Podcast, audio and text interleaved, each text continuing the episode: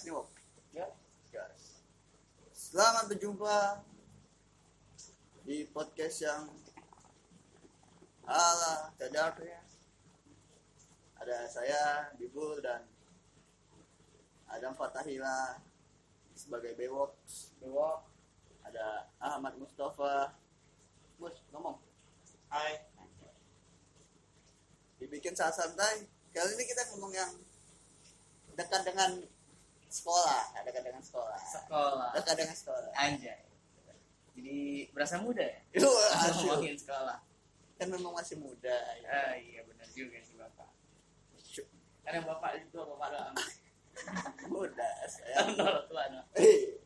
Bapak. Mustafa angkatan 45. Ya, jadi gimana nih?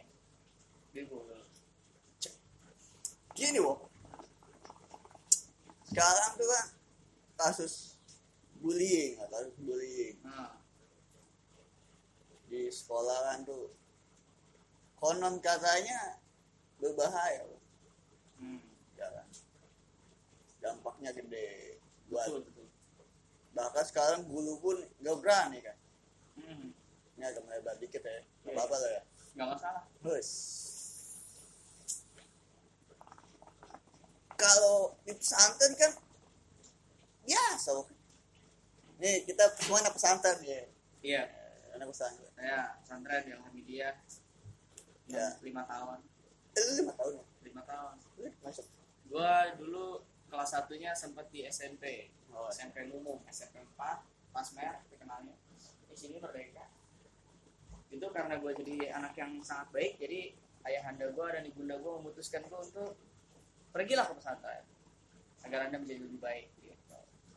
Woi. Mustafa, lu dulu sekolah di mana, Mus? di alam media kan Ya gue tahu lu dalam video guys. So, Enggak, dulunya SMP-nya. Oh, di sekolah udah pesantren dari SD. anjay. Anjay. Dari SD. Pesantren dari SD di Kebumen, Mas. Terus Terus Bumen terus di situ pindah ke Pati Anjay. Gila. dari situ baru ke media Itu mondok semua tuh ya. media dia nggak pernah ngerasain kredit skor ya. Iya. Karena kreditnya ada sekolah umum. Nggak ada di sekolah sekolah apa namanya? dulu sanawiar gua ini Apa tuh? ada kredit skor juga Ada. ada Ay, maju juga sana ya. iya Iya. Gua dari 100 gua 10 kan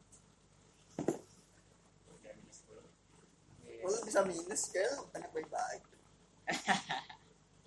dulu sering cabut bang Aja. Anjay, anjay, anak pondok cabut Iya. ya. Itu maksimal bandolnya segitu kan. Nggak ada sampai berantem turun gelar BR nggak ada deh. Cabut ke mana? main PS lah Anjing Anjay, men. pesantren dong pernah nih bang suatu ketika gua cabut sekolah ya Hmm. ke sekolah gua main PS berdua sama temen gua berdua sama teman gua lagi main PS nih tiba-tiba pas main PS itu lagi main apa tuh yang sepeda Downhill. Hah? Downhill, downhill. balap lagi balapan tuh Ya iya dong. nah tiba-tiba temen gua berhenti temen gua berhenti gitu Terus? maksudnya mainnya berhenti Oh, terus Lo lo lo gas terus. Terus gua- Kayak gaya ya lompat. masih gaya-gaya kan terus gue bilang ke teman gue lu ngapa dah lu ngapa dah berhenti dah terus gue ditepok-tepok gue lihat ke belakang guru BP gue ternyata disamperin Ada. Ada kurang beruntung guys. bandelnya bandelnya cuma segitu doang tuh. Paling, Maksimal, udah paling bandel segitu tuh, bener tuh. iya Anjay. Mentes, cabut buat mentes. Cepet banget, buat main PS lah. Anak laki. Yo iya. Laki. Tapi mungkin yang banyak nggak tahu tuh kan oke. Ya. Di pondok tuh se ekstrim apa waktu pukulan? Oh kalau gue bilang ya, karena gue walaupun gue nggak lama ngalamin ya di sekolah luar ya tapi setidaknya gue tahu lah atmosfer kehidupan di sekolah-sekolah umum di luar gimana gue tahu setahun kan bukan waktu yang sebentar gitu untuk seorang anak usia 13 tahun kala itu kan Iya. Gua bilang waktu itu gua menilai kalau bullying di pesantren menurut gua lebih gokil sih. Lebih lebih lebih apa berat lebih danger dibanding bullying di sekolah luar. Kan juga tidur sama-sama. ya itu dia masalahnya. Kalau sekolah luar kena bullying sekolah dia ketemu pembulinya itu cuma sampai sore doang bang Hmm. malam dia bebas aman merasa aman. Masuk sekolah pagi ketemu lagi. Nah kalau pesantren coba pagi siang sore malam berhari-hari bertahun-tahun. Dia lagi lu dan pembuli ketemu setiap hari makan sholat kan gila. Gimana tuh mental? Makanya kalau yang nggak kuat kuat mentalnya? Mental ya. mental. Mental. banyak. Kalau waktu gua pondok nih bang ya. Gua ngerasa banyak nih. Karena gue termasuk orang luar kan yang masuk pondok. Banyak yang dari sekolah-sekolah luar loh. Yang ceritanya tawuran lah di mana-mana lah berantem lah ini itulah segala macem. Wah pokoknya cerita heroik heroiknya banyak lah ya. Kayak jagoan banget. Lah. masuk pesantren kena bullying pesantren mental nggak kuat jadi banyak yang memang cuma sok-sokan jagoan doang Sosok doang. Sosok bisa sosok pro zero. Iya, sosok Grow Zero. Padahal pesantren lebih gila dari Grow Zero. Iya. Gila sih kalau pesantren sih gue rasa sih. Dan nggak tawurannya juga istilah kata nggak ada tawuran di sana. Kalau di luar kan tawuran maju mundur maju mundur ada polisi warga pulang maju kalau di pesantren kan lu nggak seneng di kamar senior lagi gila kan Kita pribadi. Abang ya gua gua sebagai korban apa pelaku? gua korban dan pelaku Wah, gua korban juga dan gua pelaku juga Dan gue sebagai saksi. saksi bisu. gua. Nah, betul, betul, semua betul. Gimana? Sebagai korban dulu gimana? Lu melihat kasus pembulian? Kalau sebagai korban ya gue melihat kasus pembulian ini adalah kasus yang rumit bang. Gue bilang sangat-sangat rumit. Kenapa? Karena orang-orang dewasa kan ketika itu anak-anak ya? Orang-orang dewasa yang artinya seperti guru Nah, guru ataupun orang tua itu tidak akan bisa menyelesaikan permasalahan bullying. Contoh gue sebagai korban kala itu. Ketika gue jadi korban bullying kalau gue nggak ngelawan itu gue nggak akan bisa lepas dari bullying itu. Maksudnya apa? Ya ketika kita jadi korban bullying kita nggak bisa ngapa-ngapain bang. Kita tuh akan merasa takut untuk lapor. Kita dibully nih sekali dua kali ya kan? Itu kalau kita ngelapor ngadu. Antara kalau nggak ke guru kalau nggak ke orang tua itu justru si pembuli akan membuli kita dua kali lipat tiga kali lipat lebih parah lagi. Karena kita ngadu. Itu. Jadi korban bullying itu sebenarnya rumit juga permasalahannya kesian kalau memang dari tidak dari si pembulinya ini yang memang eh si si korban bullying ini yang benar-benar dia harus dia lawan. Menang kalau urusan belakangan lawan. Dulu yang setidaknya lu punya harga diri untuk dipertahankan. Ini, ini yang jarang. Jadi lagi yang mau dibully terus. Gitu bang kurang lebih. Dia kata- Dia kata kakak kelas tetap tahu. Kalau kelas terus nggak apa-apa. Nggak masalah. Nih, sebagai saksi gimana nih? Melihat rumit lah anjing. Kenapa tahu-tahu ada kata kan nonton doang. nonton doang ya Ya, gue nggak bukan cuma nonton doang, bang. deg-degan juga ya Gue malesnya gue suruh jadi saksi. Oh. Udah gitu, sebelumnya juga gue udah nahan-nahan. Nah, apa nih? Bengkel mukulin apa? Biar biar dia nggak berantem Oh. gitu, gue tahan-tahan. Tapi dasarnya malah batu. Ya udah. itu pak orang kan lain-lain. Ada yang memang dia ketika dibully dia lebih memilih untuk diam. Dia lebih memilih untuk bersabar. Nah ada yang tipikal kayak gitu udah biarin lah biarin lah. Artinya dia memang tidak terlalu suka konfrontasi. Ada lagi sebagian orang yang nggak benar-benar nggak suka dibully. Sekali oke dimaklumi dua kali wah tiga kali udah dilawan balik habis. Ada yang tipikal kayak gitu. Jadi macam-macam korban bullying juga. Ada beberapa tipe. Oke. Lu yang melawan berarti. Gue salah satu yang lawan alamat yang enggak Karena gue nggak pernah dibully itu. Harus dicengin dia sering. Ya, kayaknya nggak biasa. Tapi kan anak pondok ya. Mhm. Kalau opini gue pribadi wajar sih ya di pondok pembulian ya nggak sih? iya wajar ya gua inilah soalnya kebanyakan kan pendidikan pendidikan pondok kan lebih ke pendidikan di luar kelas gitu kan. Betul. Ya kan? Jalannya gitu lah. Setuju kan nah cuman kalau misalnya dibandingin sama sekolah luar Ah, kasus bully ini di luar termasuk ekstrim yang sesuai pendidikan apa enggak kan kalau di pondok kan ekstrim cuman sesuai pendidikan lah. Hmm. ada ada ada maksud mungkin di balik oh iya benar ya kan? Kita yang kita nggak tahu itu. Kalau di luar tuh ada apa cuman karena kesel doang? Kalau faktor bullying yang gue tahu kalau yang di luar itu memang adalah geng-gengan jadi jadi kalau anak-anak luar tuh kumpulannya ya bocah-bocah bandel ya bocah-bocah bandel aja semuanya nah yang nggak ikut komplotannya gitu nah itulah target-target bullyingnya mereka.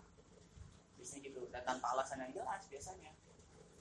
Tanpa alasan yang jelas gak ada niat untuk bullying kalau di pesantren bullying itu kan ngajarin sopan santun. Iya.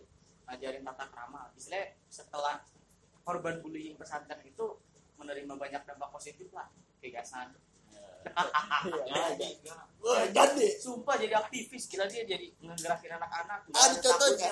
ada. Temen gue sendiri nggak sah itu emang tiap hari dibully. Bahkan bukan sama kakak kelas bukan sama adik sama teman-temannya sendiri. Anjing. Sadis banget. Tapi dia jadi. Akhirnya dia tipikal yang kayak gitu gue bilang bang dia nggak ngebales nggak apa oke diterima aja pokoknya. Diterima dia ambil sisi positifnya dan dia akhirnya bisa jadi orang sekarang. Lebih sukses malah dari para pembuli-pembulinya. Di situ saya merasa bangga jadi pembuli. Anjing. Ada ada achievement aja achievement. Karena yang kita bully dia jadi orang sukses gitu. Dan dia merasa apa namanya kalau gue nggak digituin dulu gue mental gue nggak jadi. Dia ngomong kayak gitu kata dia. Dia ngomong tuh ya? Iya dia ngomong. Dia ngerasa bersalah ya kan? Ngerasa malu tapi ngerasa senang juga. Bagus juga. Berarti jangka panjangnya positif? Mungkin. Relatif sih bang. Tergantung tergantung orangnya. Karena orangnya kalau memang dia karakternya kuat itu akan bisa jadi hal yang positif buat dia ini kalau karakter yang aneh nggak banyak yang bisa bunuh diri pak. Banyak loh artinya kalau mau korban bullying dia nggak tahan dia nggak kuat bunuh diri. Berarti intinya gimana dampaknya tergantung orangnya ya? Betul.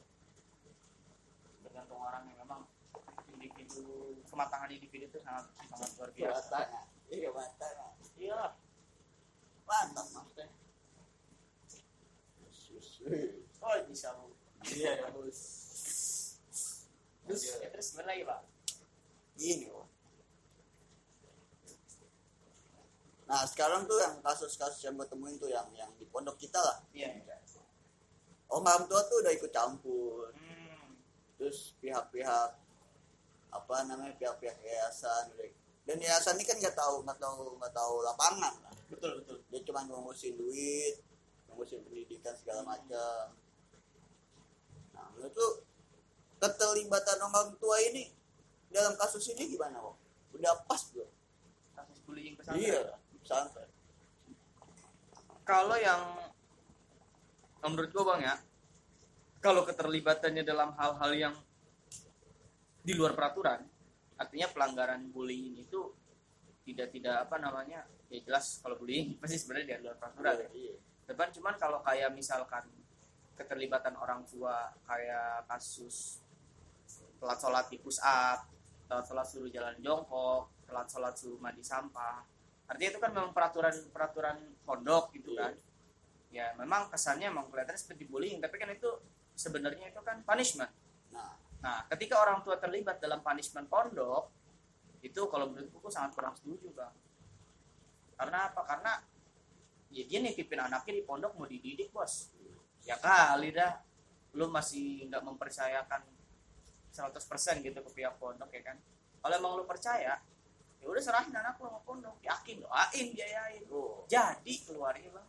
anjir Soalnya kalau kita mau nyerempet bahasa santri, iya. Lanjutkan dong Syabdul Qadir Jailani itu pernah bilang pernah ada cerita Syabdul Qadir Jailani dia dititipin anak sama orang buat tuan syekh katanya. Titip anak saya belajar sama antum. Sampai jadi sampai jadi ulama. Oke siap.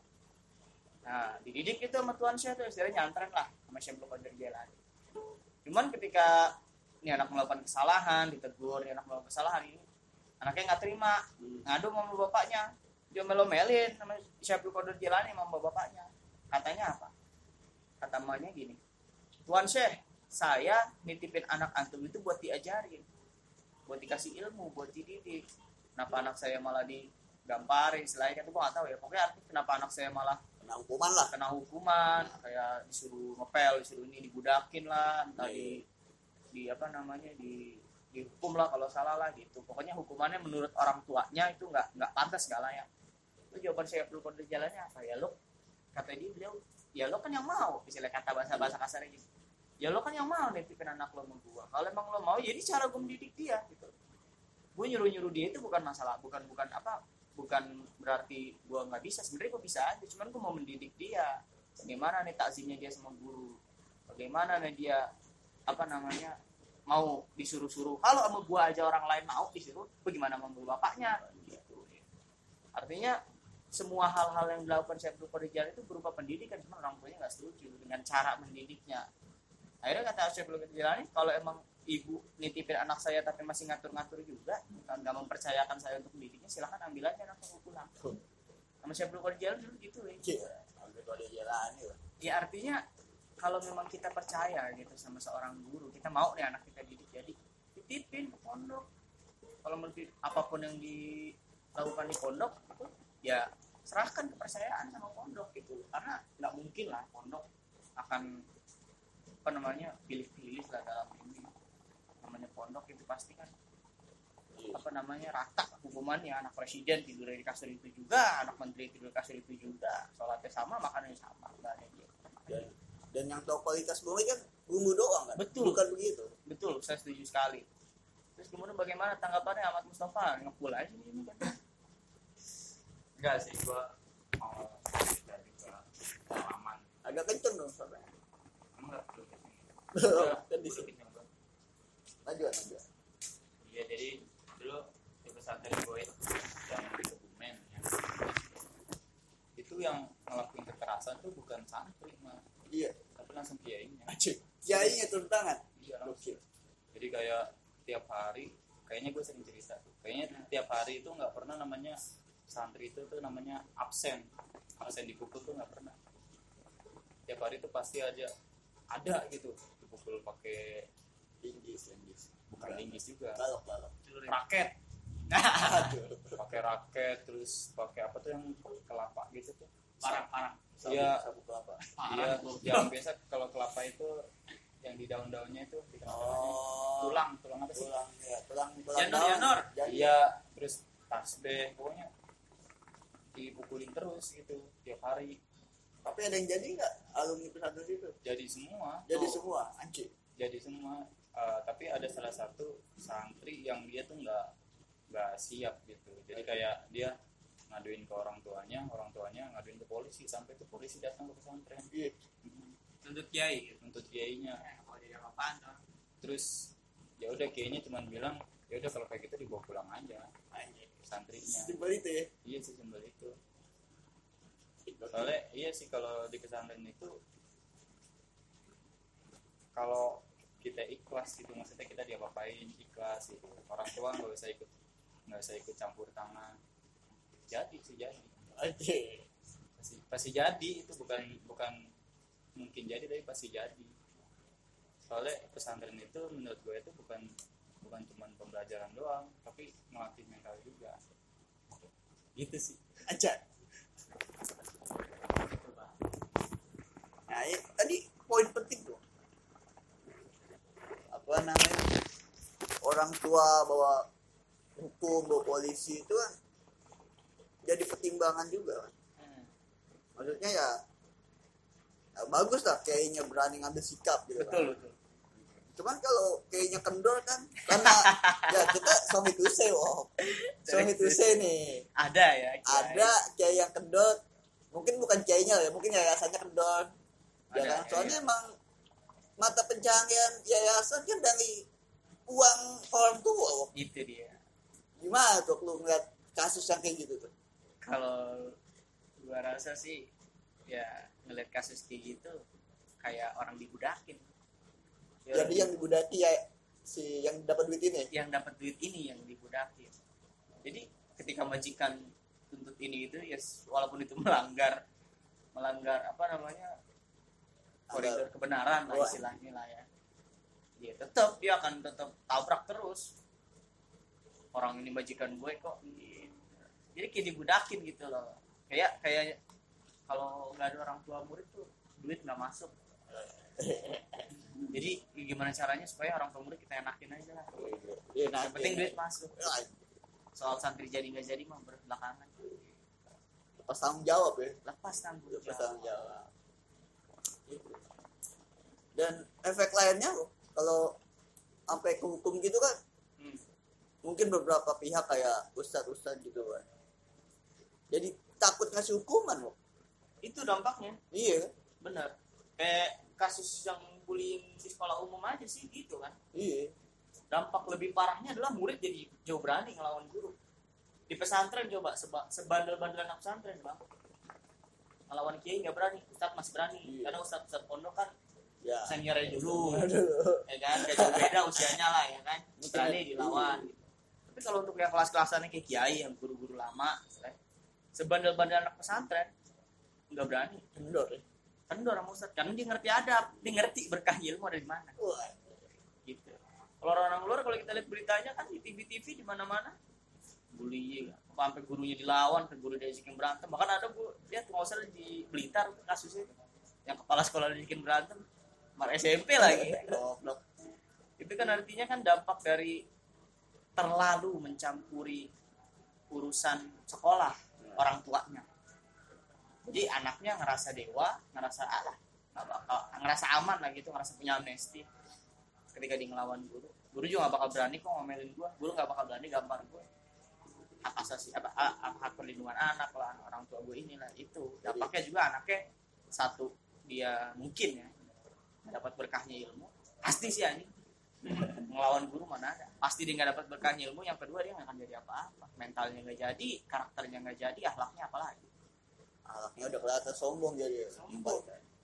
dampaknya banyak bang parah parah Pak, dampaknya. oke. Anjay. Apalagi Lanjut. lanjut ya siap Lanjut terus Lanjut terus. lanjut terus nah kita kan udah di luar sistem pendidikan sekolah udah udah udah udah di luar lah kita deh. Iya, iya. kalau misalnya nih kalau misalnya kita bergerak balik buat pondok lagi kira-kira apa yang bisa kita lakuin tuh apa tuh mus lu dulu Mustafa dulu lah. Iya Mustafa dulu. Mustafa dulu. Enggak gua mulu dari tadi. Lu dong. Anjing. Gua gua mendominasi terus nih nggak enak nih ya kan emang narasumber utama lu. Enggak enggak lu asu. Ayo ayo lu. ayo ayo. Kalau misalnya suatu ketika lu suruh balik ke pondok mungkin gerakan apa nih buat istilahnya biar lebih ada koridornya lah gitu kan. Si bully bully ya asuk ada aja aja aja. Pause dulu ya. Pause dulu. pause dulu pause dulu. Ajan udah kali ya? Guys. Udah? Komatnya pakai mic di sini. Anjir mantap. Nggak apa-apa lah. Terus, Udah, terus, terus, udah terus. sidan. Nih tadi apa sih? Oh ya kalau kalau misalnya nih kita suruh balik ke pondok buat ngurus kasus pembulian ini. Langkah-langkah apa yang akan dilakukan? Amat dulu lah. Nah tuh dari tadi gua mau nggak tahu gua. Lu dulu lu dulu oh ya boleh lah. langkah apa yang akan dilakukan untuk mengatasi kasus pembulian? Andai kan kita suruh balik lagi ke pondok. Yang pertama yang pertama akan gue lakukan adalah megang santrinya dulu Udah santunya dulu.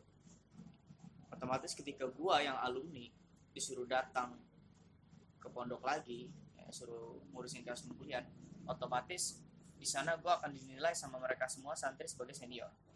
Dan hukum santri itu adalah jauh lebih takut sama senior dibanding sama ustad itu yang gue rasain.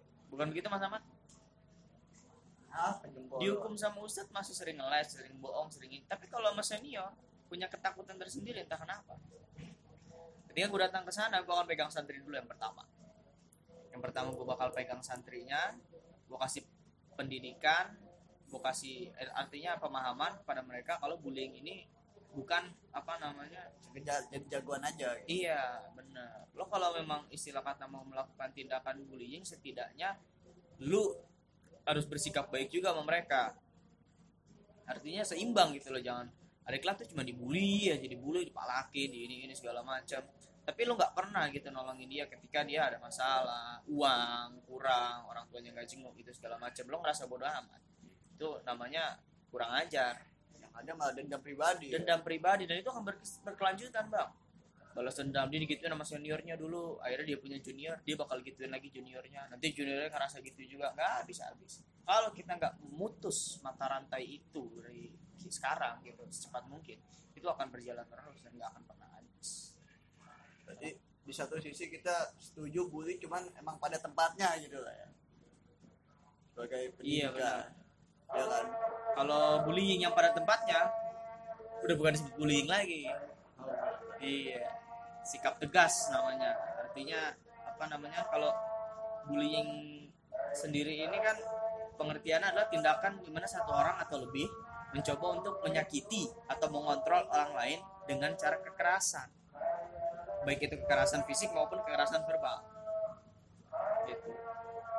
Kayak mukul, dorong dan sebagainya, menghina, membentak, kan gunakan kata-kata kasar, itu kan termasuk bully. Nah itu gua akan pegang santrinya dulu, gua akan ada di antara mereka untuk semaksimal mungkin mengontrol bullying di antara mereka. Otomatis kalau kita ada di tengah-tengah mereka, senior juga akan takut untuk melakukan bullying di kelas. Benar.